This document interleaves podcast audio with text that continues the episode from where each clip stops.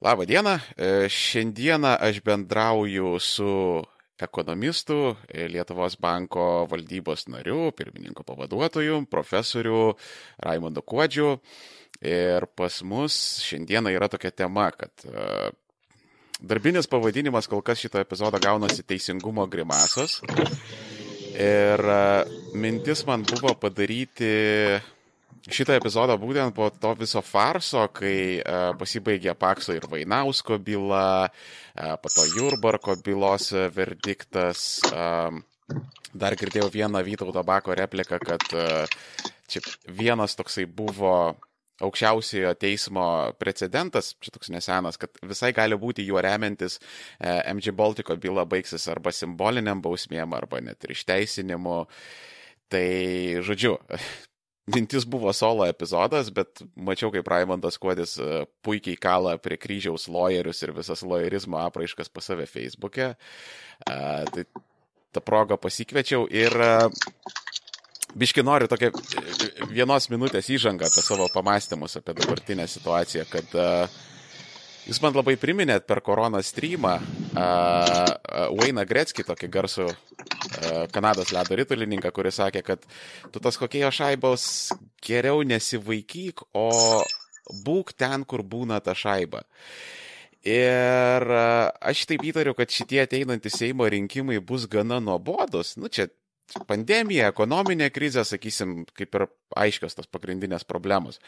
Ir aš jau galvoju apie 24 metus, nes e, visų pirma, čia bus um, ir, ir, ir Seimo, ir prezidento, ir savivaldos, ir Europarlamento rinkimai vienu metu, nu, vienais metais tiksliau.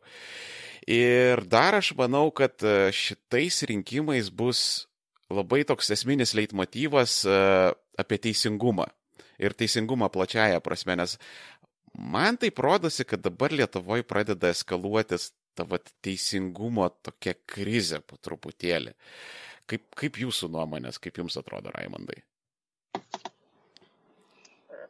Teisingumas yra amžina tema, tik tai jinai labai iš skirtingų perspektyvų gali būti eksploatuojama. Na, jeigu kalbant rimtai, tai kažkiek metų jau kalbu apie tą laimės ekonomiką kuri, kuri leidžia mums na, taip, visą apimančiau vertinti visuomenės progresą, tai ten teisingumas turi milžinišką įtaką. E, priešingai negu tam vyruojančiam supratimui, kad žmonėms daugiausia rūpi materialinis išsivystimas ir, ir viskas. Tai ten teisingumas tikrai yra, sakau, dalykas, kuris, kuris e, gali sužlugdyti visuomenės, kai jo trūksta, arba jisai gali kompensuoti gausybę kitų dalykų, tame tarp ir materialinio išsivystimo stoką, trūkumą. E, jeigu, jeigu visuomenė suvokia, kad žaidimo taisyklės yra teisingos, jeigu visuomenė na, tiki valdžia, tiki pati savimi, na, kalba eina apie tą žmogišką kapitalą vadinamą, kai, kai, kuris yra visų ten socialinių pasitikėjimo ryšių visuma šalyje. Na, tai čia būtų rimtas toksai rimtoja perspektyva, apie kurią, sakau, bandau kalbėti. Bet yra ta polittechnologinė perspektyva, tai yra, kai teisingumo klausimai eksploatuojami politiniais tikslais. Ir, ir skaitant tuos visus Paksal Makso instruktažus, kuriuos atsimenam iš, iš senųjų Pakso laikų, tai mesgi ten matydavom juodai paryškintą šitą temą, kad, kad reikia kalbėti abstrakčiai, reikia sakyti, kad štai nėra teisingumo, štai mes versus jie. Na, ką, ką iš principo išnaudoja ir dabartinė valdžia labai labai sėkmingai, praktiškai pažodžiui jinai ten perkelinėja į mūsų, mūsų politinę erdvę tą instruktažą. Tai natūralu, kad mes turbūt galim tikėtis e, tokių dalykų, ką, ką bendrai, sakau, nereikia laukti rinkimų šitų. Mes matėm prieš prezidento rinkimus, kaip elgėsi premjeras e, ir, ir, ir, ir ponas Karbauskis, e, net, sakau, to tipiniu kalbėjimu priekybos centrai kažkas yra blogis, o ten žmonėje, ten jūs, žmon, Lietuvos žmonės, jūs ten kažkas, reiškia, kažkas apvogė. Netgi to, ta frazė, sakau, yra viens, viens prie vieno iš Almaksinio, kaip sakant, žodino. jūs apvogė, kas implikuoja, kad neaišku, kas apvogė, neaišku, kas yra tie jūs, kiek apvogė ir panašiai. Tai, sakau, man čia ir šypsena kelia šitie senų tokių metodų atrajojimai, bet antra vertus, man kaip piliečiui, nu, tai kelia ir šiurpa, kad, kad mūsų, mūsų politinė scena užpildo tokie, na, rytietiški projektai, kurie, kurie, kurie negali kažko tokio labai konstruktyvaus pasiūlyti, bet jie gali eksploatuoti kažkokias žmonių giliai paslėptas baimės, fobijas, savo politiniais tikslais. Ir natūralu, kad tie, kas, kas bando daryti tikrą politiką, tai yra na, ta klasikinė prasme, kas bando eiti rinkimus su idėjomis, su skaičiavimais, kažkokiais argumentais, jie tampa kažkokie nuobodus šmikiai, nes, nes matot, yra publika, kuri kalba abstrakčiom frazėm, reiškia, iš, iš mes versus jie kažkokio ten ir jūs apvogė tipo. Tai natūralu, kad tai paslinks visą politiką žemintų žemiausių standartų,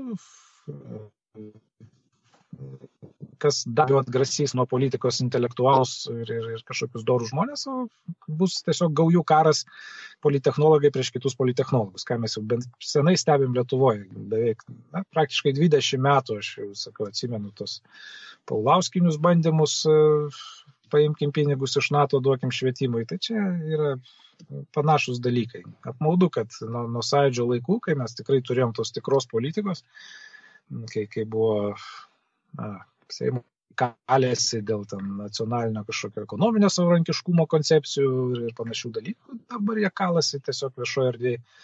Sakau, pas ką bus kietesnis lankstinukas, pas ką bus geriau atkaltos kažkokios kaklaraiščios spalvos, ir, ir, ir panašiai. Tai nuo šito tiesiog vengt norisi normaliems žmonėms, bet, bet na, mes turim konstatuoti, kad šita visuomenė ne, neturi, kol kas neturi mechanizmų, instrumentų, kaip apsiginti nuo šito politikos tokio mirties spiralės į, į subanalinimą ir, ir, ir politechnologinį tokį jovalą. O kaip jums, jums atrodo, pavyzdžiui, kai buvo aukščiausioji taryba, tai aš kiek esu apie ją girdėjęs nuomonių, tai net uh, kokie nors jau, nu kaip pasakyti, uh, normaliai užsispyrę jedinstvininkai, tai net ir jie su pagarba žiūrėjo į tą žmonių komplektą, kuris buvo susirinkęs, nes ten buvo ir akademikų, ir mokslo daktarų, ir med medikų, ten, nu, all staras visiškas. Uh, Ir tada ateina 92 metai ir va Jėzus Marija, kur, kur, kur ten vos ne buvę kolūkių pirmininkai ir ten e, karvių apsieklintojai ten išėjo į valdžią. Jūsų nuomonė po, po tokio starto, kodėl tas taip, nu, tiesiog nuo skardžio nukrito tikrąją to žodžio prasme? Kas čia buvo tokio? Aš esu apie tai rašęs tokiai trumpoji Lietuvos ekonomikos klaidų ir, ir transformacijų istorijų. Kažkada dariau ten sąidžio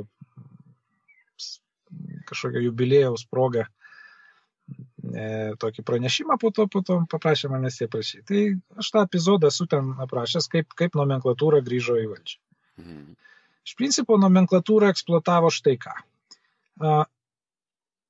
Po, po aukščiausios tarybos, kuri paveldėjo iš esmės Lietuvos ekonomika, kuri išėjo iš senosios sistemos neišvengiamai turėjo sumokėti už klaidas, kurios buvo daromos toj sistemai. Kokios tos klaidos buvo? Na, iš principo, pavyzdžiui, žmonėms nepaslaptis buvo mokama daugiau rublių, negu jie uždirbo. Tie rubliai buvo kaupiami kažkokiose ten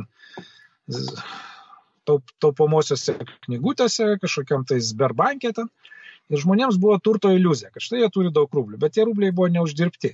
Jeigu žmonės būtų galėję arba būtų turėję progos juos išleisti, infliacija buvo, būtų buvusi dar sovietiniais laikais. Bet kompartija labai sėkmingai suvairavo taip, kad šita infliacija prasidėtų jau po to, kai, tos, sakykime, kai vyko tos sistemos griūtis. Nu, ką mes Lietuvoje ir matėm. 1000 procentų infliacija 92 metai. Natūralu, kad žmonės, kurie nieko nesuprato, kas vyksta, jie, jie pradėjo kaltinti e, už naujai, naują valdžią, ten sajudiečius, kad e, na, jie kažkokias nemoka ekonomikos valdyti, nemoka, daro kažkokias milžiniškas klaidas ekonominiai politikai. Ir natūralu, kad e, nomenklatūra tai išnaudojo eksploatuodama šitos, šitos teiginius viešoje erdvėje. Kita priežastis buvo ta, kad buvom gana rimtai integruoti į sovietinį karinį kompleksą, buvo krūvos gamyklų, kurios turėjo tūkstančių žmonių, kurios darė kokius nors ten siurbliukus sovietiniams tankams. Nu, natūralu, kad arba ta gamykla staigiai persiorientuoja į kažką tokio skirto vartojimo prekiams, arba jinai bankrutuoja paleisdama tų žmonės į gatvę, kas nemaža dalimi ir įvyko. Bet vėlgi, nu, siurbliukai čia nebuvo mūsų kaltė, nebuvo sąidžio kaltė, čia buvo istorinis faktas. Tai, kad ne visi sugebėjo per, peršokti tą na, naująją ekonomiką, į vartojimų tokią grįstą ekonomiką, prie ko čia sąidis? Sąidžio kalties čia nebuvo. Bet nomenklatūra irgi tai iš, išeksploatavo kad vat, ne va tai gamyklas čia kažkokias uždarinėja, kolūkius sugriovė, šiferius vogė Landsbergį ir visa kita. Tai bet šitai pas mus sugrįžo nomenklatūra. Praktiškai tas buvo procesas kitose šalyse atkartotas, išskyrus galbūt Estiją, kuri kažkaip sugebėjo prašokti šitą, šitą etapą be nomenklatūros susigražinimo. Na, ir, ir tas lėmė jos tokį nusaikesnę raidą ir, ir, ir, ir, sakyčiau, geresnį, geresnį ekonominį ir kitokį išsivystymą visom prasmėm šiuo metu mūsų atžvilgiu. Na, va, po to jau jūs, jau, kaip sakant, jaunimas jau žino daug maž, kas, buvo po to, nomenklatūrai grįžus, tai buvo tiesiog e, profanavimas šalies atgimimo, prasidėjo privatizacija, prasidėjo visokie neskaidrus procesai, ten, kur, nu, tarkim, tas žemės kilnojimas, nekilnojamo turto, kuris leido praturtėti saujeliai, supirkinėjant žemės nusavybės atkūrimo teisės ir kilnojant tą žemę ten iš kokios nors vieno rajono link ežerų, kur nors prie trakų. Žinai. Nu, tai visą šitą demoralizavo visuomenė ir aš sakyčiau, va tada ir prasidėjo tas, tas toks vis didėjantis, brestantis supratimas, kad na, kažkas negerai šitoj karalystėje su teisingumu, kad, kad, kad, kad yra, kaip sakant, viena tokia Lietuva nomenklatūrinė, kuri darosi iš nieko pinigus išnaudodama na, šitos procesus, kuriuos minėjau, o kita kažkodėl turi dirbti už minimalią algą ir nelabai turi ką pavokti. E, tai žinoma, po, po nomenklatūros to tokio kelių metų sugrįžimo ten vėl sugrįžo liktai savidietiška valdžia, tas kitų, kitų pavydalų, bet, bet jau ta blogio sėkla buvo pasėta. Ir mes iš, dabar iš esmės turim, turim to pasiekmes, ta didelė turto neligybė, e, didelę pajamų neligybę. Ir, kaip minėjau, laimės ekonomika apie tai išneka tokių dviejų dimensijų arba tokio na, perspektyvai, kad ne tik turto, sakykime, kaimyno praturtėjimas daro tave mažiau laimingu, bet jeigu tas vyksta nesant to vadinamo procedūrinio teisingumo, tai yra, kad tu kaimynas uždirbo kažką, vokdamas mokesčius, ten, kombinuodamas su žeme kažką, pirkdamas įstatymus ir taip toliau, ir taip toliau, tai tas tave lik kvadratų žaidžia, ne tik tas pajamų atotrukis nuo kaimynų. E, tai va, laimės ekonomika iš esmės gali paaiškinti labai nemažai paradoksų, sakykime, kurie atrodo tokie kaip paradoksai. Va, tarkim, Kodėl žmonės vertina sovietmetį kai kurie? Taip, na, romantizuoja jį. Todėl, kad buvo daug ekonominio saugumo, žmonės mėgsta ekonominį saugumą. Taip, mhm. žmonės visi turėjo darbą priešingai šitai sistemai. Ir buvo šiek tiek daugiau teisingumo ta prasme, kad kompartija bijojo smarkiai vokti. Jie uh, gaudavo pakankamai gerus atlyginimus, ten 3-400 rublių, kokie nors didesni šulai, bet jie prisibijodavo vokti. Jie pinigų turėjo Mercedesams, kalbos nėra, bet jie nedrįsdavo jais važinėti, todėl kad pati partija juos bausdavo už tokį elgesį. Jie nedrįsdavo vokti labai atvirai, jie ten kažką pasikombinuodavo, bet, bet nebuvo tokio akiplėšiško turto, turto skirtumo tarp, su, su paprastais, sakykime, darbininkais ar ten valstiečiais. Na, o šiais laikais mes turim praradimus va, šitoj srityje ekonominio saugumo ir, ir ekonominės neligybės, kas, sakau, aš ne, nepateisinu tos, to, to romantizavimo sovietinių laikų, to neturėjimo laisvės, neturėjimo tų kitų galimybių, bet, bet aš, aš kaip na, mokslo žmogus, aš suprantu tos žmonės, kurie ilgisi tų dalykų dėl, dėl, dėl to saugumo ir, ir, ir, ir didesnio teisingumo. Jo, nu tarkim, labai konkretus pavyzdys, kaip yra Jūs jau užsiminėt, kad valstiečiai norėjo kovoti su priekybos centrais, norėjo kovoti su bankais ir dabar jų paramos paketai, tai vienas paketas yra palūkanų kompensavimas, tai čia beveik tiesioginė parama yra bankams, e, kitas paramos paketas yra nekilnojamo turto nuoma ir kaip žinia, e, vieni didžiausių nekilnojamo turto valdytojų Lietuvoje tai yra priekybos centrai, kurie tas kuria įmonės, ant kurių kabo tas nekilnojamas turtas ir jie patys iš savęs nuomojasi ten dėl įvairių priežasčių. Ir va, prašau, lygiai taip pat jiegi buvo išsikėlę ant tų tokių sažiningumo deklaracijų, kad sažiningumo ir teisingumo, kad davesim MG Baltiko bylą iki pabaigos, čia baką ant šito dalyko pasodino, čia žodžiu davesim, ten maždaug turėsim Mockaus galvą ant pagalio ten pa, pa, pasmeigtą.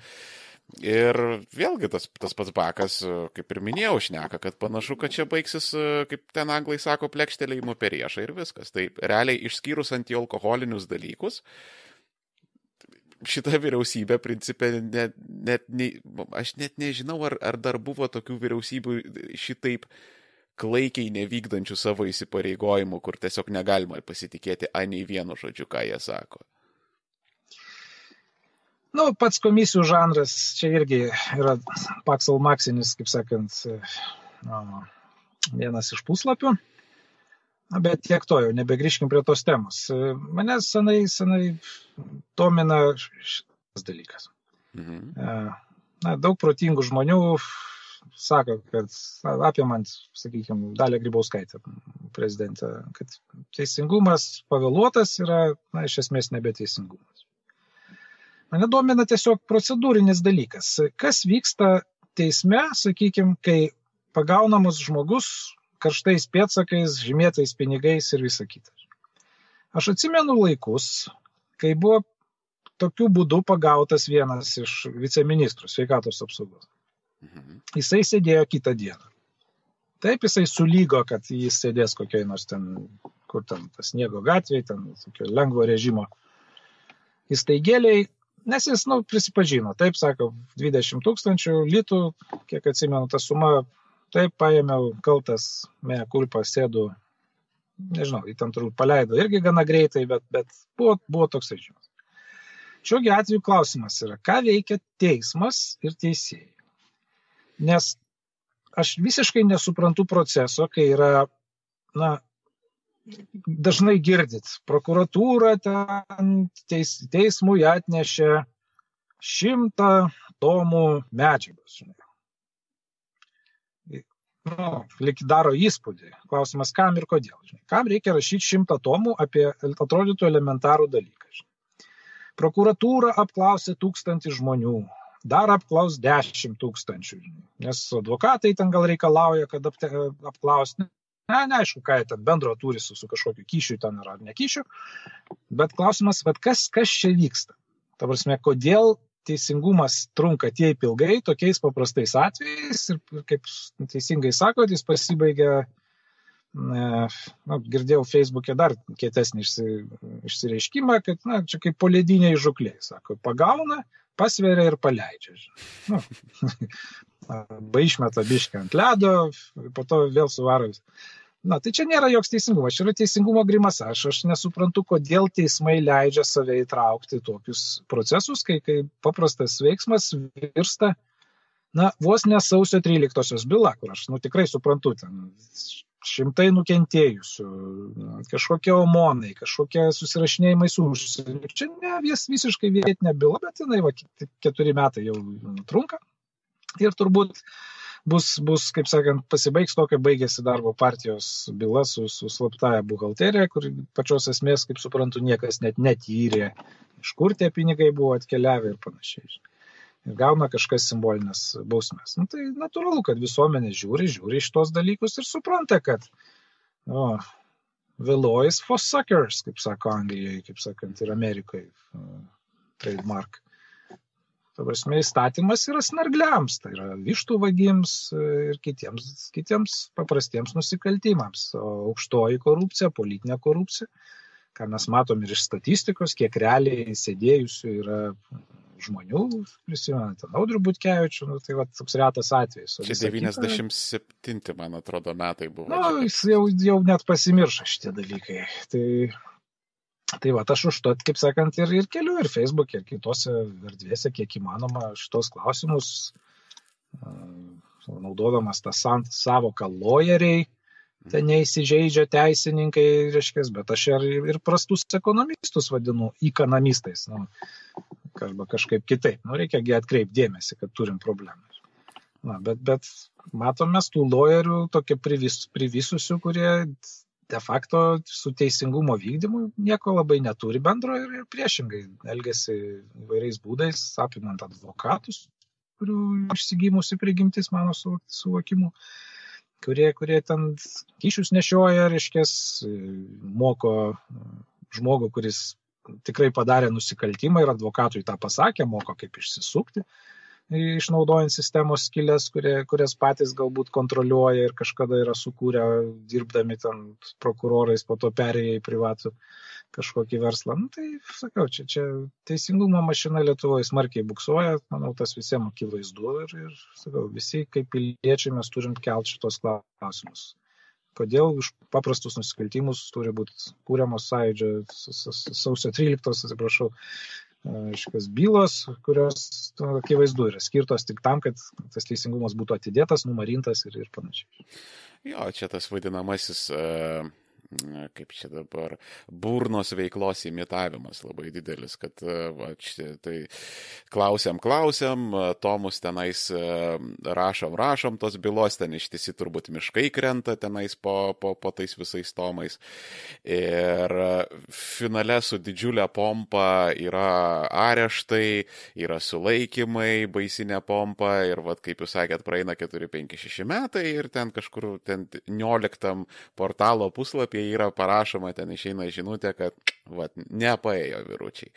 Ir aš, aš dalį likties matau, aš pavyzdžiui, e, šiandieną taip kažkokio tokio keisto smalsumo pagautas, nuėjau į rekvizitą LT. Aš pasižiūrėjau e, STT ir VSD algų medianą. Tai net pats prisėdau, kai pamačiau, kad STT vidutinė alga ten yra didesnė, man atrodo, ten 1100, bet mediana yra labiau reprezentatyvi. Tai mediana yra pagal rekvizitą LT 977 eurai.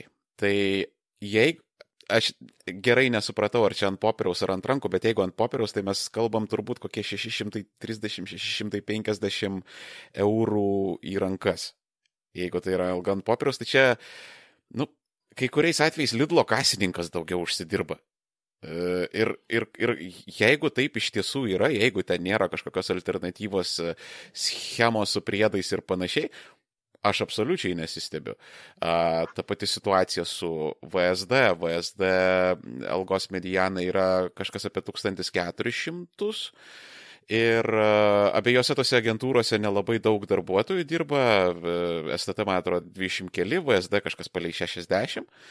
Ir tai yra gana tokie kukliai apmokami žmonės, kuriems yra pavestos tikrai super sudėtingos užduotis.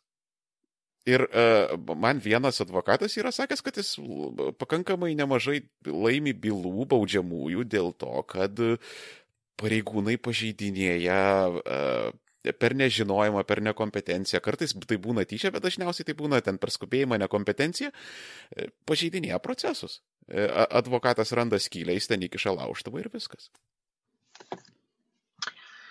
Nu, matot, tai teisės ekonomika, atsiprašau, kad ekonomistai čia visur kišasi, bet tokia egzistuoja.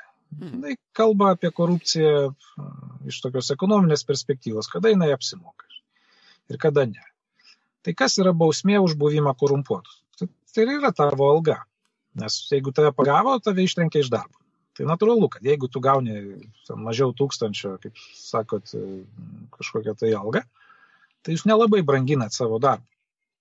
Tai, tai alternatyva, aišku, yra mąstyti kitaip, kad tie 970, ką jūs sakėt, nėra alga, tai yra jos dalis. Mhm. Taip, kitaip tariant, vakar vakar buvo suėmimai, žiūrėsim, kuo čia baigsis, kad, kad e, kažkokie tai pareigūnai eina su advokatais, ten, nežinau ką, ten, informaciją pardavinėja, pažiūrėsim. Nu, tai matyt, jie, matyt jie, jie, juos tenkina šita kabutėse alga, kuri galbūt yra aisbergo viršūnė. Tik tai, o tikroji alga yra, yra gerokai didesnė. E, bet kuriuo atveju e, mes turim sutvarkyti tą sistemą, kaip, mes, kaip ją sutvarkyti, šimtą kartų supasakojęs, tiesiog pasimamo įsidį vidurkius ir, ir, ir žiūrim, kiek turi uždirbti koks nors STT pareigūnas Lietuvos vadovų atžvilgių kiek tai bus - pusantro karto, du kartai ir panašiai. Ir sutvarkius šitos dalykus, pasirėmus tą kolektyvinę išmintim, mes galim tada bandyti ilgainiui prisitraukti tos sektorius, svarbius sektorius, kvalifikuotus žmonės ir sažiningus žmonės. Nes priešingų atveju turėsim ir nekvalifikuotus, ir nesažiningus, kas šitai šaliai nieko gero nežada. Na, bet politikai, jie nenori tos sistemos, kurią pasiūliau, jinai, sakau, per daug skaidriai būtų galbūt ir, ir, ir, ir jinai per daug anonimiška, nes dabar šita valdžia ypač mėgsta, kaip Ingrida Šimonytė sako, šerti iš rankutės, vien, vieniems davė, kitiems davė, visi tą ranką belesdami tam pabučiuoja.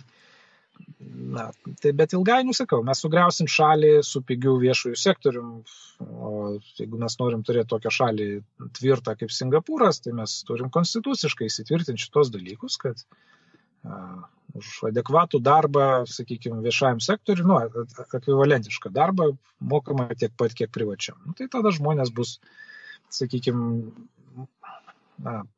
mažiau mažiau jos vilios tas privatus sektorius, o tie, kas turi dar tokį ir pilietiškumo pradą, noro patarnauti viešajam, viešajam gėriui, tai jie, jie mielai eis su savo geriausiais smegenimi tą viešąjį sektorių.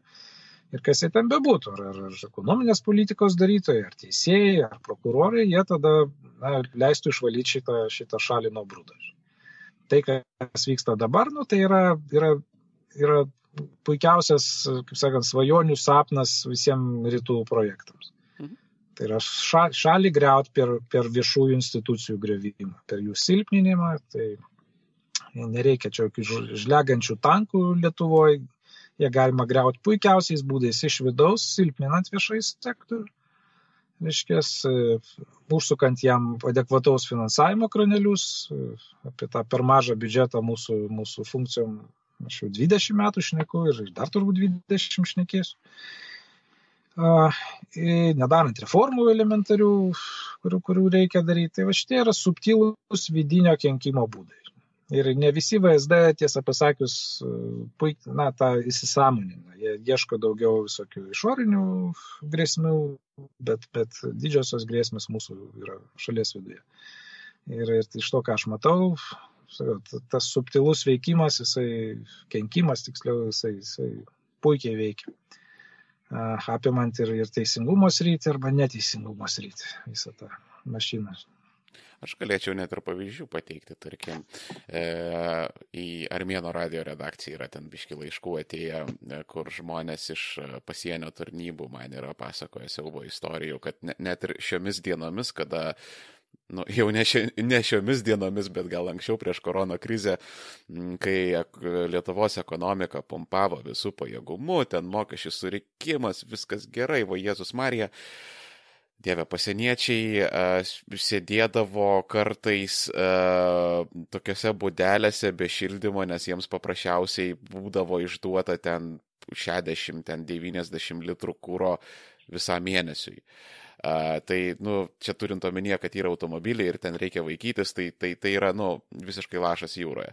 Ir dabar, jeigu mes bijom ten tų, sakysim, invazijų iš išorės pas mus yra tos dvi jautrios sienos. Viena siena su Kaliningradu, kita siena su Baltarusija. Mes žinom, kokia ten kontrabanda plaukia, bet, nu, techniškai nėra sunku ten ichtijandrui įdėti apart cigarečių, ten nežinau, kokiu nors ten kalašnikovų separatistams, ar ten kokios amunicijos, ar, ar, ar, ar ten bombelių, ar dar kažko. Nu, iš esmės. Ir, ir, ir jeigu ta pasienio tarnyba yra tokia nustekenta, Tai aš, aš nemanau, kad Lietuvos priešai yra tokie snaudžiantis ir apie šitą dalyką nėra pagalvoję ir neturi uh, jau įsivedę kažkokiu protokolu, kaip tas kilęs reikalui, uh, laikui atėjus išnaudoti.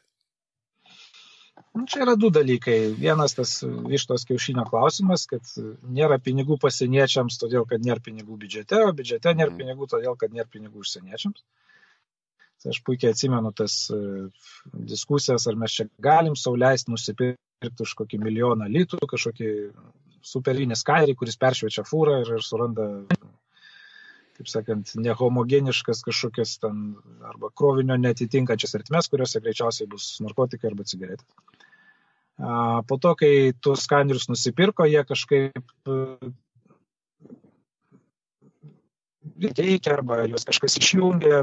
Tai aišku, skanerį reiktų prijungti, teisės ekonomika tą sako prie kelių, ten kelių akių principo, kad, kad jeigu kažkas pražiūrėjo, kad kitas pamatytų ir, ir tos akis nežinotų vieną apie kitą ir bijotų, bijotų pražiūrėti tos dalykus, tos duomenys, kur nors ten nuo skanerio nebūtina palikti pačiam postą, reikia juos siūsti kažkur, kad pats pasienietis negalėtų pražiūrėti. Na, tai tada biudžete atsirastų pinigų, atsirastų normaliai sienų kontroliai. Tai vienas dalykas. Antras dalykas, didžiųjų duomenų e, reikalai.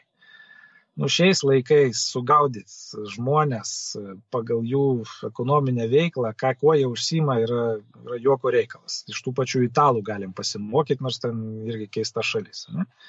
Jie ten iš jūsų elgsenos, iš jūsų vartojimo žino, ar jūs vagiat mokesčius, ar jūs priklausot mafijai ir panašiai ir panašiai. Arba jūs, tarkim, gyvenat kokiam nors pasienio rajone, kaip Lietuvos atveju, ir, ir jūsų, jūsų gerbuvis netitinka jūsų pajamų.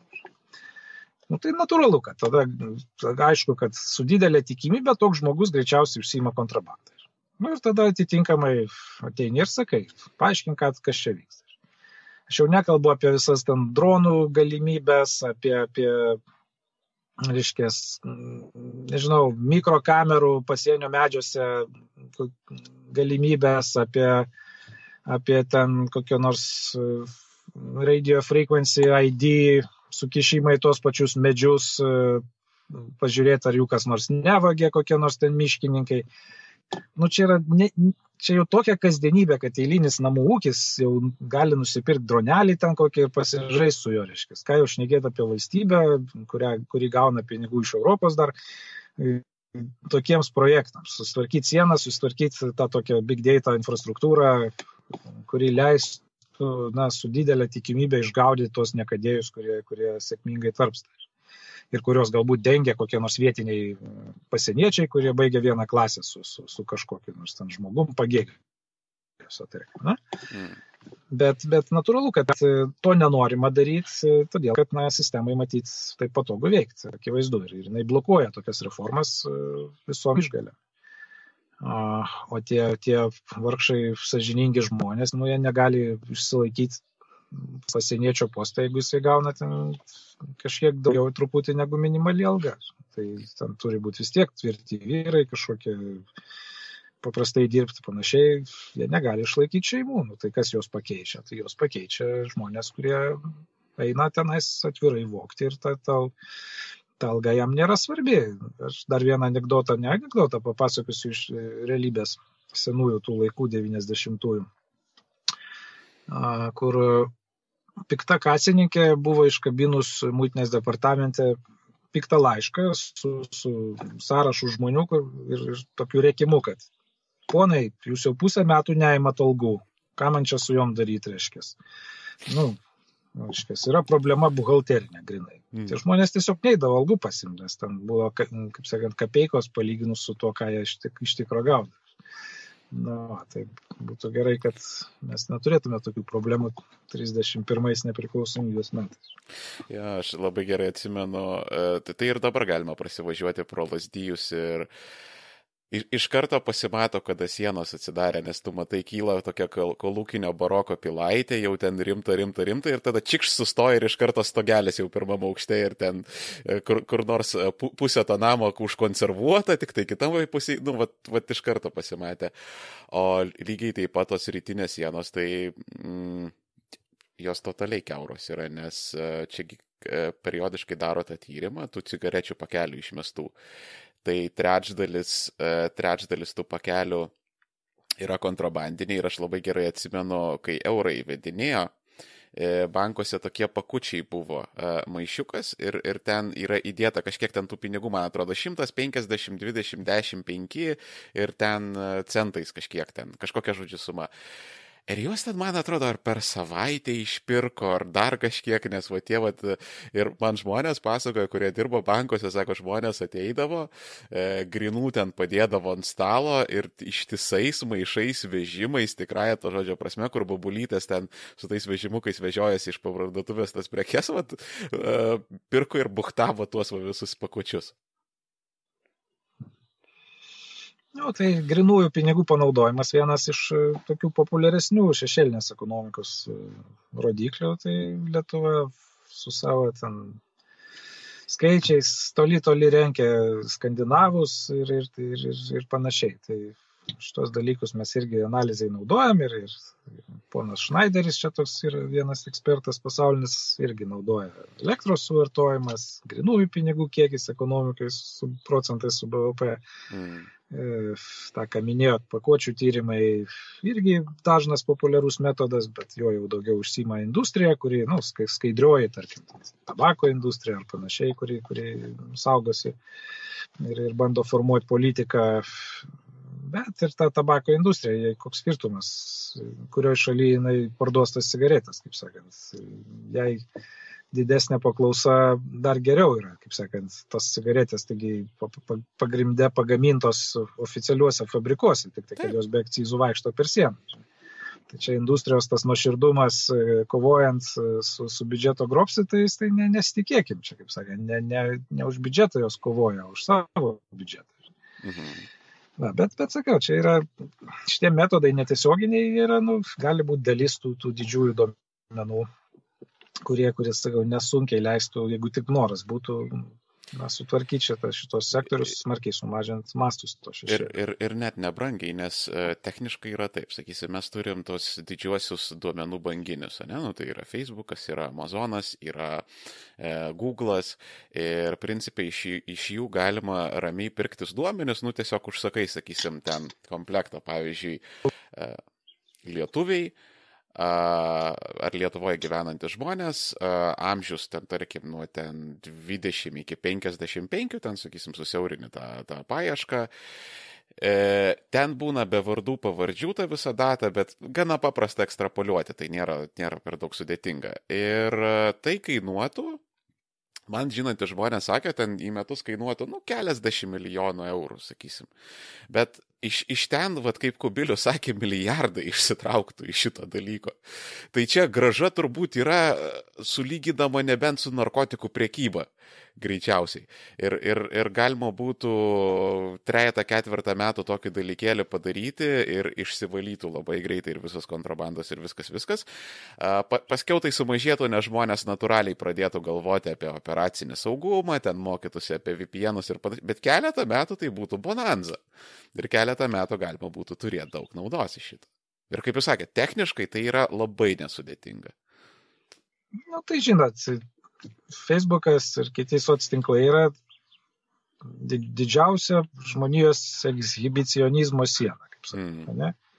Nu, tai ten visi tokie menkesnio protelio žmonės, jie pasirodo, reiškia, kad, kad jie sėdi šešėlį kažkur, oficialiai pajamų neturi, bet jie turi egzotiškų kelionių kažkur.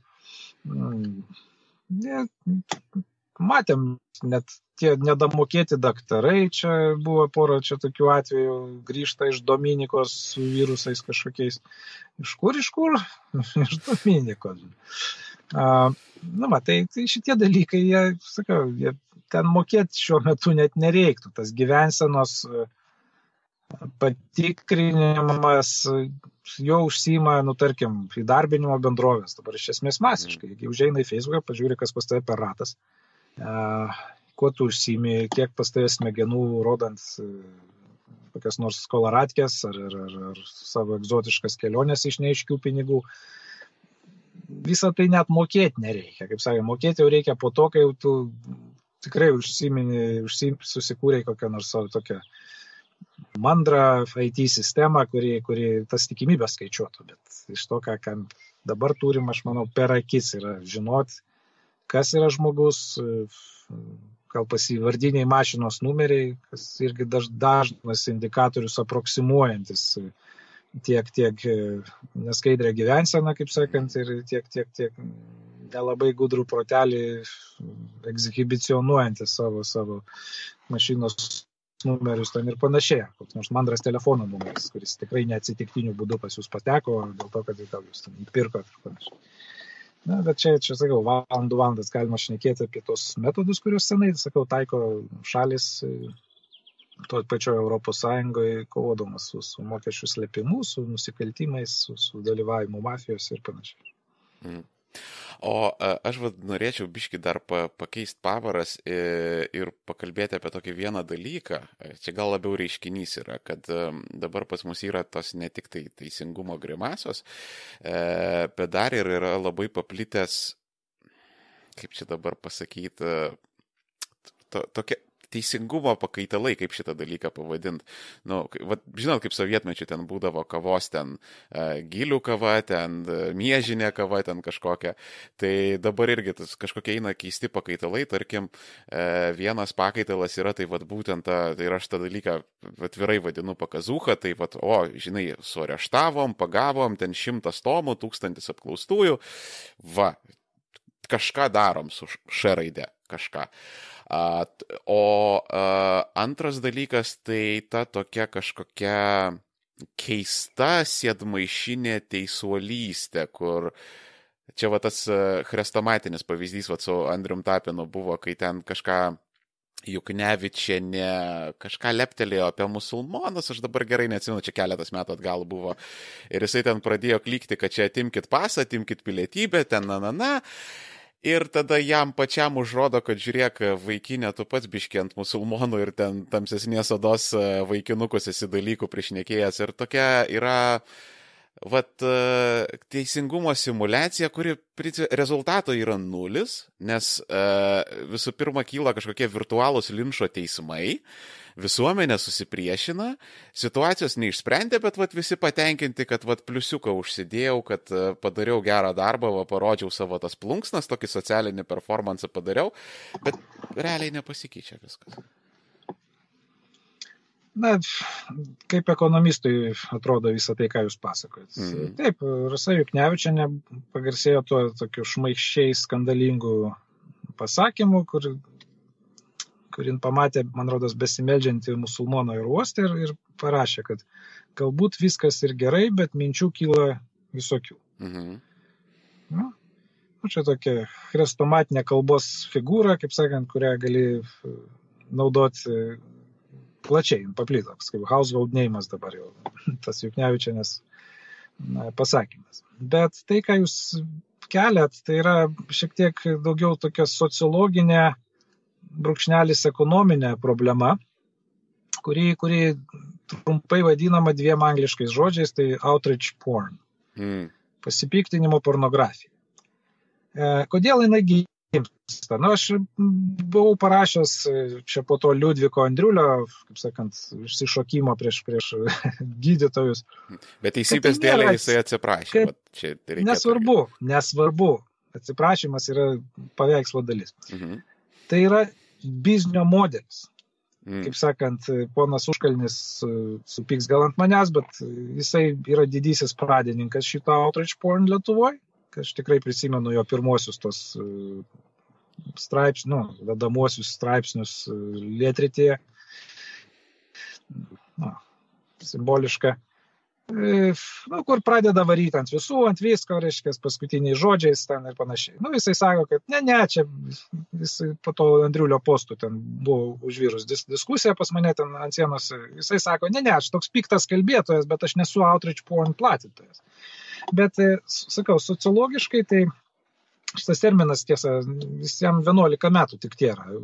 Kad, na, tai yra toks samoningas rašymas siekiant pritraukti pritraukti dėmesį, sukelt skandalą, diskusijas. Na ir iš principo ir ponas Tapinas, ir, ir, ir daug kitų tų vadinamų, aš juos vadinu sėdmaišininkais, iki influencerių jiems toli, nes influenceris, man atrodo, žmogus, kuris turėtų influencinti visuomenę teisingą kryptim. Čia yra jų biznio modelis. Nieko, nieko daugiau nei mažiau. Ir, ir tai, kad tu parašiai, kilo diskusija, aš atsiprašiau, reiškia, vėl kilo diskusija, kodėl atsiprašiai, gal nereikėjo.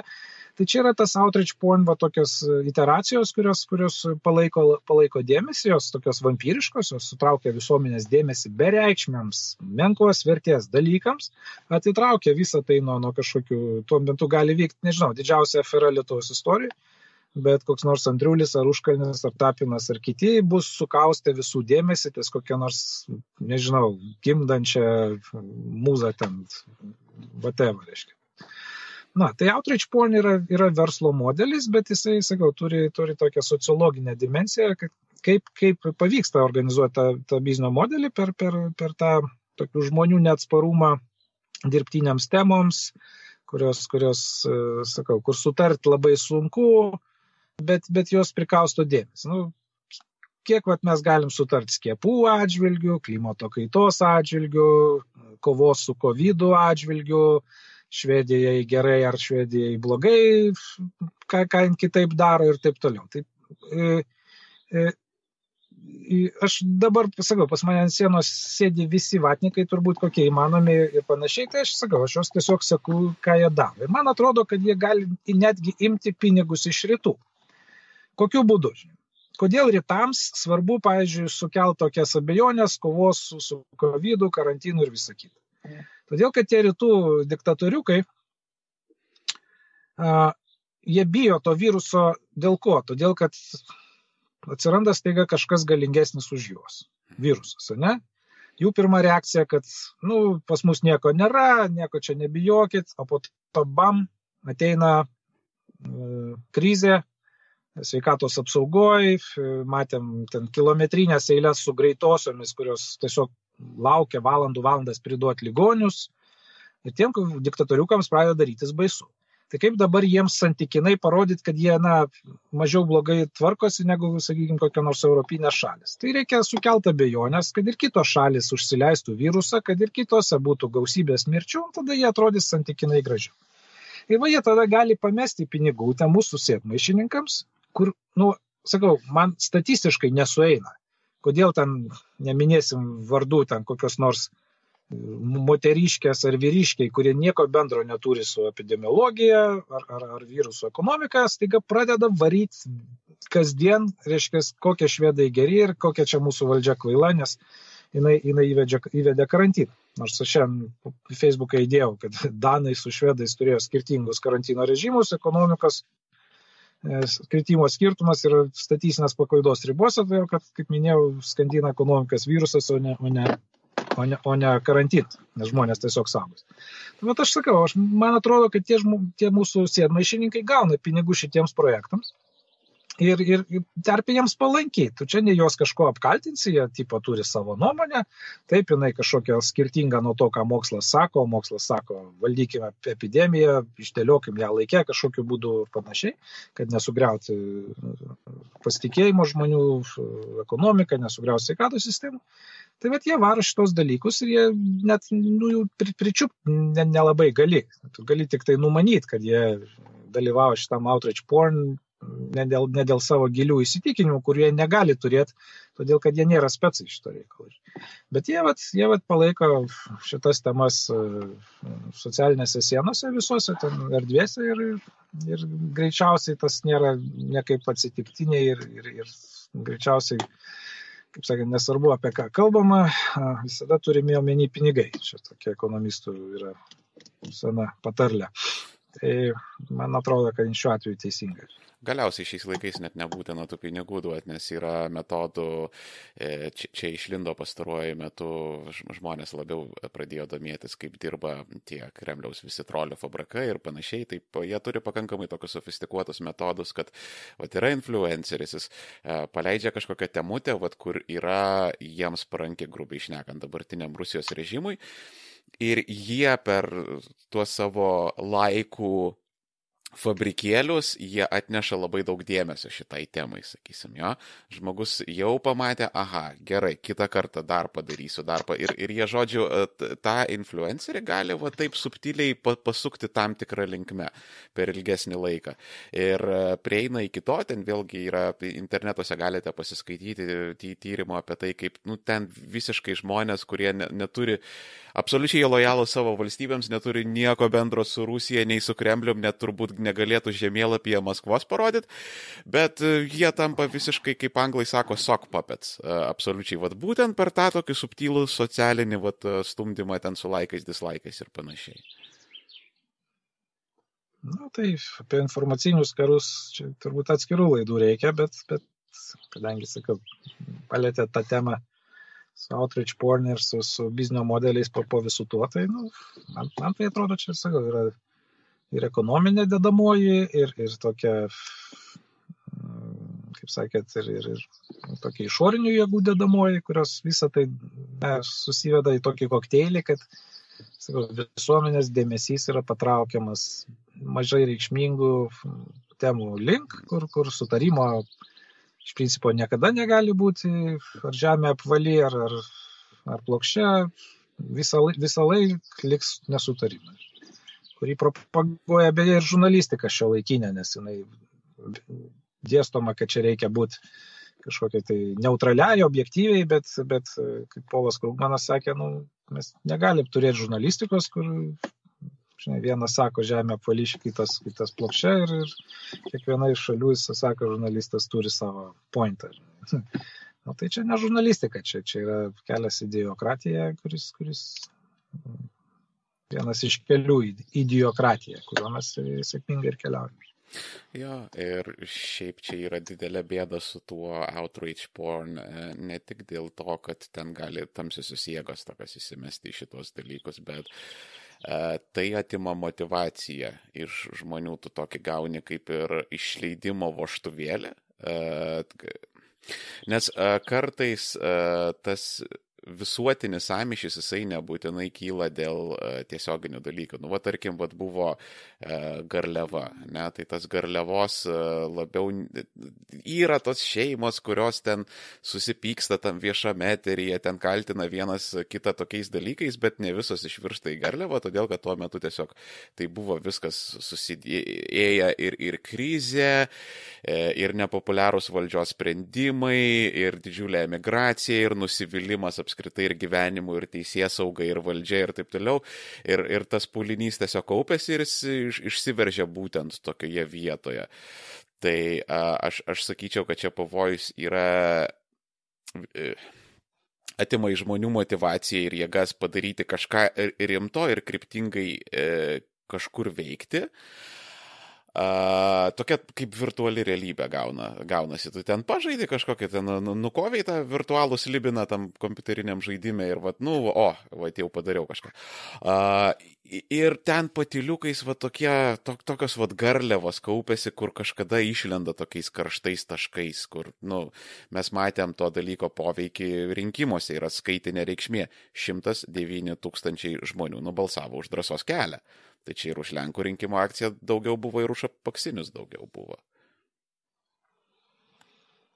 Na, nu, taip, ekonomistai irgi taiko tuos nudge vadinamus tokius e, pastumimus, dažnai subtilius, kurie gali duoti milžiniškus rezultatus, sakykime, kad žmogus ten mes rūkyti arba pradės daugiau taupyti pensijai tai vyksta ir tie socialinis na, nadžinimas, ar ir, ir, ir, kaip sakant, juodųjų technologijų nadžinimas, išnaudojant e,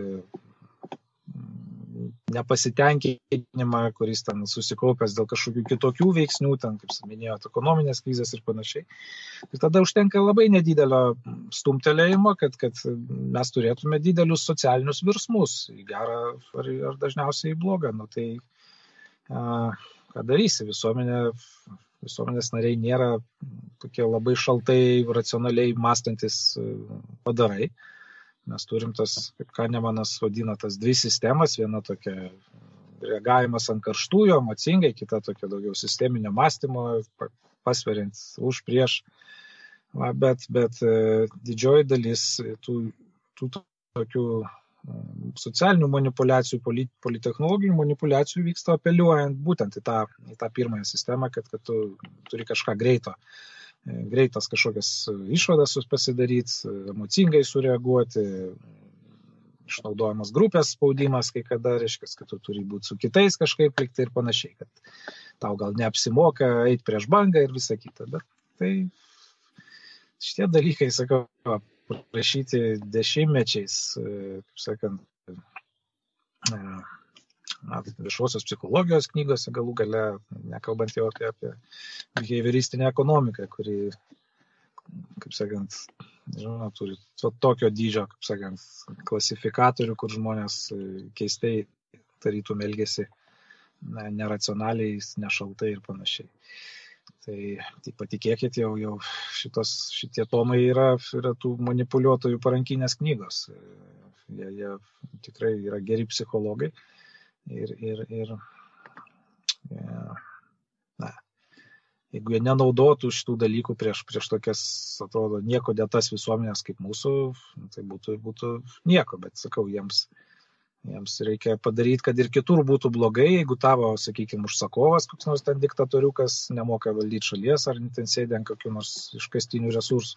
Mhm. Tai, tai jų vienintelė strategija yra tiesiog kitus nuleisti iki savo lygio, kad ir kitiem atrodytų, kad ir pas mus jovalas, pas juos jovalas, na tai maždaug pas visus daug maž vienodas jovalas. Bet Tai čia vienintelis paaiškinimas, kodėl jie tai daro.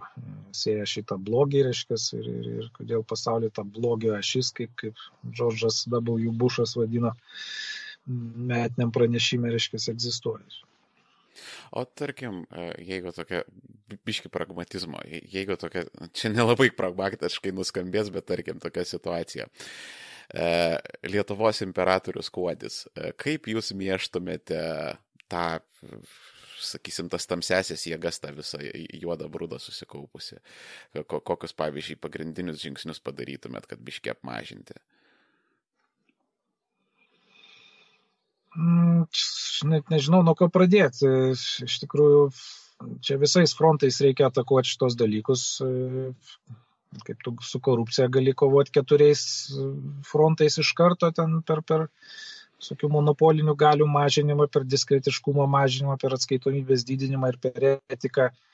Tai taip ir su, su visom visų kitų blogių. Tu gali kovoti tiesiog pasitelkiant e, tas formulės ir, ir padarant nors nedidelį progresą, kuris galbūt akumuliuotųsi į, į, į ben, didelį bendrą progresą, sakykime. Ne?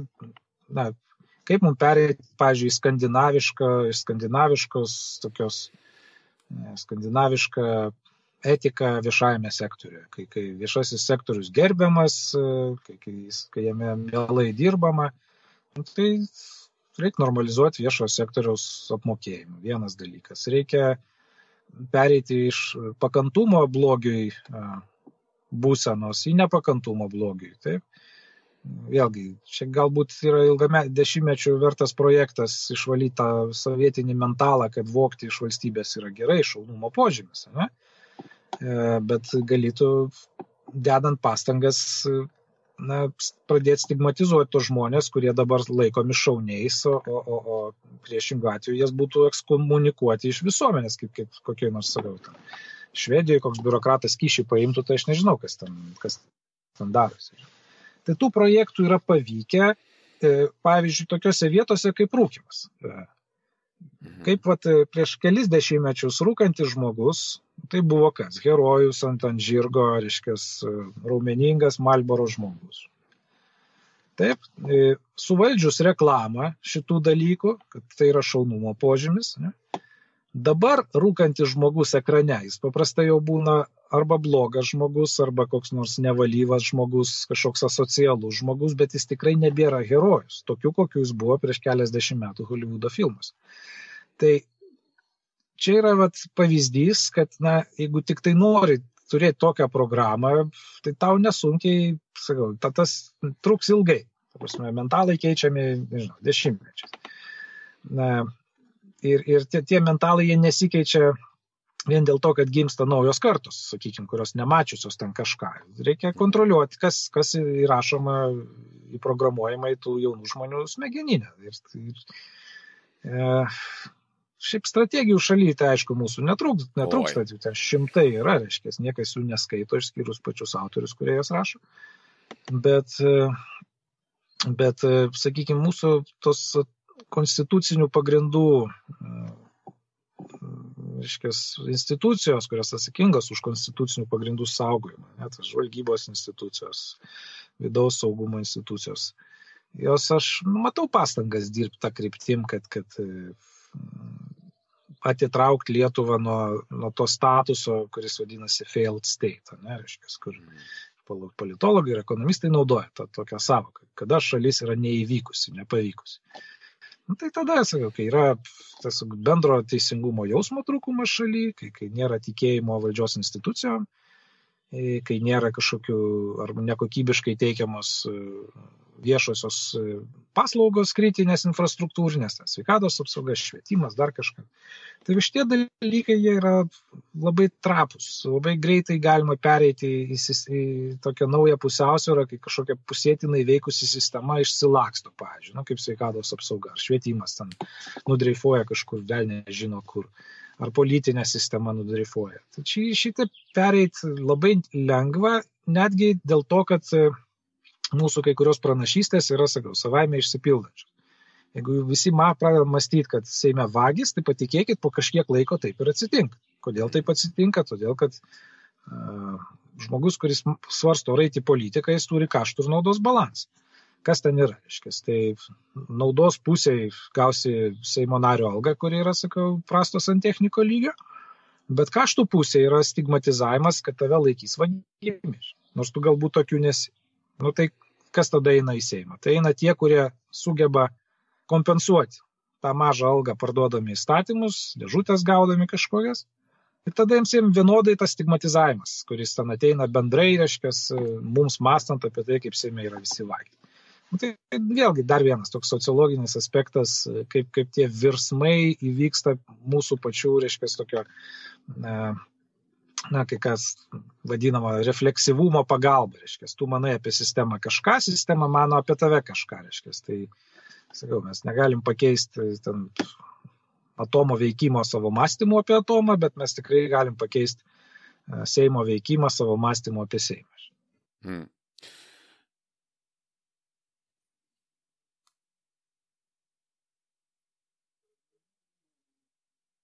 Hmm naudoti prieš mus. Hmm. Buvot sekundžiai pradingęs čia. Matyti ryšys subuksavo. A, tai kitaip tariant, jūsų tiesiog metodas yra po, po nedaug ir iš įvairių kampų, bet pastoviai ir taip tą slibina su tūkstančiu ten nedideliu pjūviu, sakysim, nužudyti po, po, po čičiut, kad po, po lašiuką nukraujuotų. O jūsų nuomonė, žmogus va savo asmeniniam gyvenime, ką jisai galėtų padaryti kovoje su tuo bendru blogiu? Na, nieko labiau nėra asmeniška, kaip,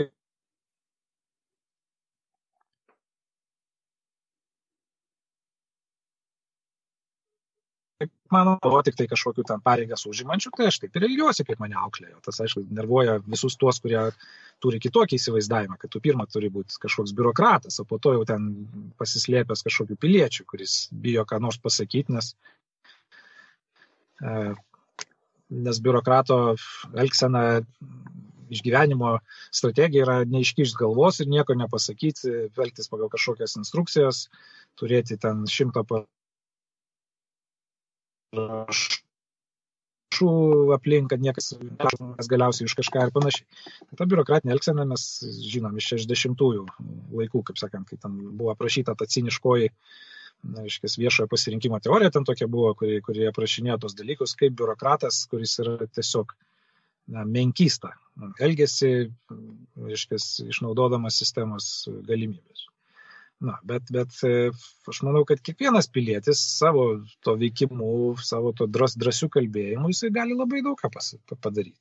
Ta prasme, už, užtenktų saujelės, vėlgi, sociologiniai dalykai.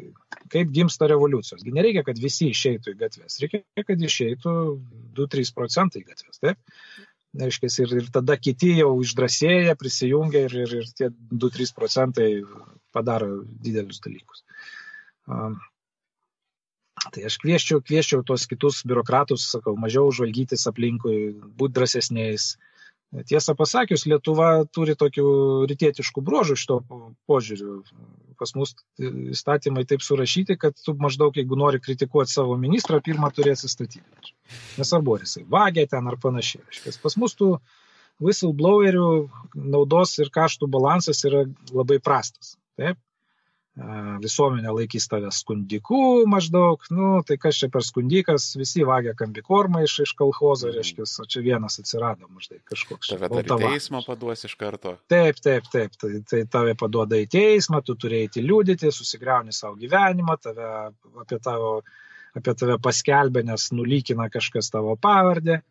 Tai mes turim pakeisti šitą dalyką. Čia, jeigu atklausėte apie tą kovą už gėrį, tai čia vienas iš, iš, iš frontų, uh, kuriame, sakykime, nu, aš, kadangi Transparency International daug metų, reiškia, tai, tai vienas iš, iš tų kovos vektorių buvo tų whistleblowerių pranešėjų statuso tvirtinimas ir panašiai. Ten tikrai nemažai pavyko padaryti mano kolegoms šitą kryptį.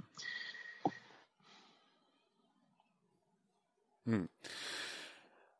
Tai e, jo, iš esmės aš kaip ir mačiau, ten dabar vyksta e, jau lygtais net ir įsiteisėjo tas įstatymas, kuris saugo pranešėją e, fiziškai ir ten išlaiko anonimiškumą, tai jau tas yra žiauriai, žiauriai daug, nes tiesiog tie, tie žmonės, kurie nežino, tai, tai principė taip ir yra, kad kaip ir su Kazieninė, pavyzdžiui, ta situacija buvo, tą patį Baką MG Baltikas padavė tenai sušmeištą ten daugybei, daugybei ten milijonų e, ar, ar šimtų tūkstančių, aš dabar ne. Žodžiu, nesmė. Tai, tai, kad mes turim saugot whistleblowerius tokiais metodais, Taip. čia yra anomalija. Taip. Kiekvienas pilietis turi būti whistlebloweris blogio atžvilgiu ir nebijot, kad jam kažkas bus blogai dėl to. Kai mes va, tos dalykus įsisamoninsim, kai mes perimsim tą, sakau, protestantišką darbo etiką ir, ir, ir, ir skandinavišką tą kultūrą netolerancijos blogiai, šita šalis bus nuostabi. Kaip sakant, ką sąjūdis ir žadėjo, kad gyvensim kaip švedė, taip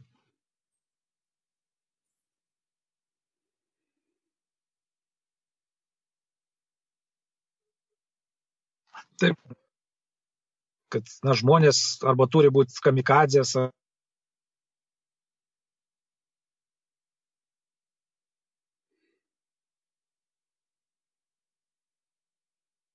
arba daryti milžinišką žygį, bus vyrai. Reiškia, ir jie susigriaus savo, ar ten, sakykime, prisimenam, kėdainių atvejai su, su, su vokeliais, ne, pas, pas, pas knezių, ne, mhm. Budrevičiamis. Tai žmogus savo gyvenimą susigriovė, reiškia, tam, tampama buvo, žodžiu, ir, ir tai čia yra, čia yra nenormalios šalies požymis, kad mes va šitaip geriausius savo žmonės, kurie yra pilietiški, drąsūs, mes, mes murdom juos purve, nu, šitas ir, ir jie pasigaili už tai, kad iš viso pakėlė galvas ir išdryso mums pasakyti. Mhm. Ir po to būna labai didelis šokas, kada išlenda ar dar vienas koksai MG Baltikas, ar ten kokių nors uh, auksinių samčių skandalas, ar dar kažkas. O tai kodėl niekas nepranešė, o tai kodėl čia dabar niekas nevyksta, tas toks e, šventas įsitikinimas iš karto atsiranda, kad, nu, tai kavon, kebra, nu, jūs, gal jūs patys nemurgdote, bet jūs leidžiate kitiems murgdyti. Uh, jūs apsimetate, kad nieko nematote, o po to dar sielvartaujate, kad kaip čia taip klausykite, kodėl neprasineša niekas, nu. Nu, matai, čia grinai iš ekonominės pusės žvelgiant, toks, toks whistleblowinimas jis neapsimoka. Mhm. Ir tą išnaudoja siauros interesų grupės. Nes jeigu tu blowinsi prieš auksinį samtį, kurį tu matai, kad kažkas perka, tai tu su, su, su, su, sutrauki į save visą smūgio ataką iš, iš, iš kažkokių tai uh, interesų grupių, kurios duoda tave į teismą. Aš pats esu išbandęs krūvas tokių teismų, kai už savo žodžius mane ten bandė už, užte, už, užteisti. Nu, čia grasinimo tokia priemonė yra, elementari. Mhm. Nu ir ką tu laimėsi, jeigu nenupirks auksinio šaukšto, ne? Sutaupys šalis ten 150 eurų, ar ten kiek jis ten, už kiek jis ten buvo pirktas, kažkas tokią sumą atsimenu padalink šitą 150 ant, ant 3 milijonų, tai tu ką gausi, ten kelis centus. Yeah. O, o kaštai tavo kokie? Nu tai, žinokit, šitas bendrų tokių ištek, išteklių problema arba teisimosi rizikos problema ekonomikoje yra puikiai žinoma. Ir žinomi ir metodai, kaip, kaip, kaip spręs šitą problemą. Whistlebloweriui turi apsimokėti šitas dalykas, jis turi gauti, jeigu jis užskirt, už, užskirto kelią kažkokiai rimtai aferai, jis turi gauti adekvatų atlyginimą iš, iš tautos, pasidėkojimą, reiškia, kad jisai jis surizikavo ir, ir esant neaiškiai baigmiai teisimuose, ne, gal jis blogai už whistleblowino kažką, gal jis padarė klaidą, mhm. gal ten viskas ir gerai, reiškia. Tai mums reikia sukurti tą sistemą, kad, kad žmonėm apsi, apsimokėtų elgtis dorai. Nors, sakau, visi gimstam dori. Tėvai paprastai mūsų auklėt šitą kryptimą. Taip, ne, neauklėja mūsų būti vagimis ir panašiai, su retom išimtim. Bet po to kažkas nutinka saugusių pasaulyje, kad visa tai yra apverčiama. Tai vad reikia gerai pagalvoti, kas ten nutinka. Na, nu, sakiau, aš, aš savo versijas pateikęs, va, ką tik. Va. Ir, ir viešojo ekonomikai, kurią tenka dėstyti, apie tai yra kalbama, apie korupciją, apie, apie žmonių paskatas, sakau, daryti reformas, žmonių paskatas, pereikoti įvairias e, viešasias sistemas, jeigu tu gydaisi, kaip čia tau optimaliai užsisakyti įvairių testų. Nu, tai jeigu tau nereikia nieko mokėti, tai tu gali pafreeridinti ant, ant kitų pinigų ir užsisakyti krūvas testų, atėjai su sloga, o pasidarai tam visą skanavimą kūną. Mhm. Nu, tai vėlgi čia ir samoningumo reikalai, ir, ir, ir paskatų reikalai, kurie teisingai sutvarkius šitos reikalus, jie, pradeda veikti ir, ir, ir nesunkiai tas visuomenės pagydo. Mhm. Ir būtų geriau negu Švedija čia, Marijos žemėje. Tai, ką žinau, gal sakau šitą pozityvę ir gaidą baigiam, nes aš žiūriu pas mus ir net ryšys pradeda jūsų gale trukinėti.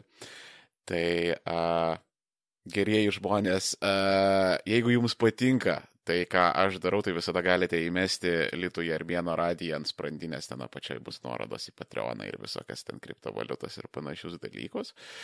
Ir ačiū Jums labai, Raimondai, uh, kuo geresnės Jums likusios popietės ir šiandieną iš mūsų viskas. Ačiū visiems uždėmesi ir paramą. Nu ir davai iki kito. Čia obraškiai.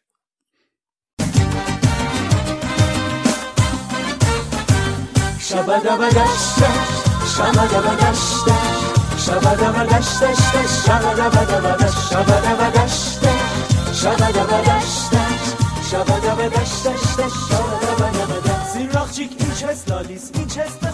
شبا